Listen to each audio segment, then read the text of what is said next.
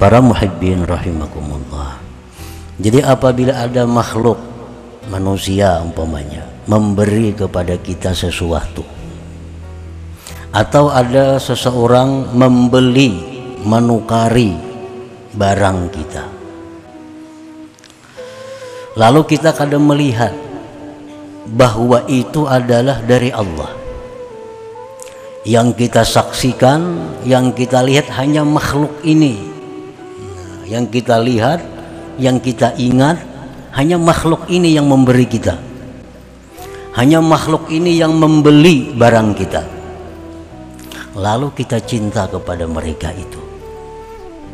Lalu kita takut putus hubungan dengan mereka itu.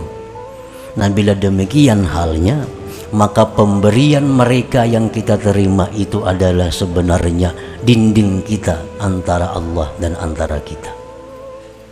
Itulah penyebab putusnya hubungan kita dengan Allah Subhanahu wa taala.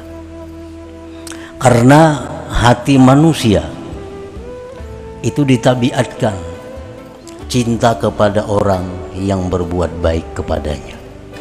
Jubilatil qulub ala hubbi man ahsana ilaiha. Tabiat hati kita ini cinta kepada orang yang berbuat baik kepada kita siapa yang berbuat baik kepada kita kita pasti cinta kepadanya. Itu tabiat sudah. Sudah dibikin Tuhan sedemikian. Bahwa manusia itu cinta kepada orang yang berbuat baik kepadanya.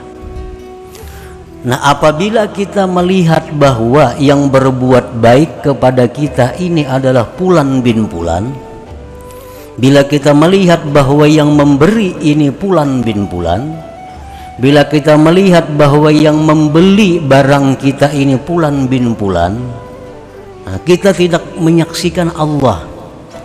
Yang kita lihat hanya Pulan-Pulan-Pulan, maka hati kita cinta kepada mereka Nah, cinta kepada mereka dan takut kita terputus hubungan dengan mereka. Nah, itu sebenarnya adalah yang mendinding kita terhadap Allah Subhanahu wa taala. Nah, ini yang dimaksud bahwa pemberian dari makhluk itu adalah sebenarnya hijab antara kita dengan Allah Subhanahu wa taala.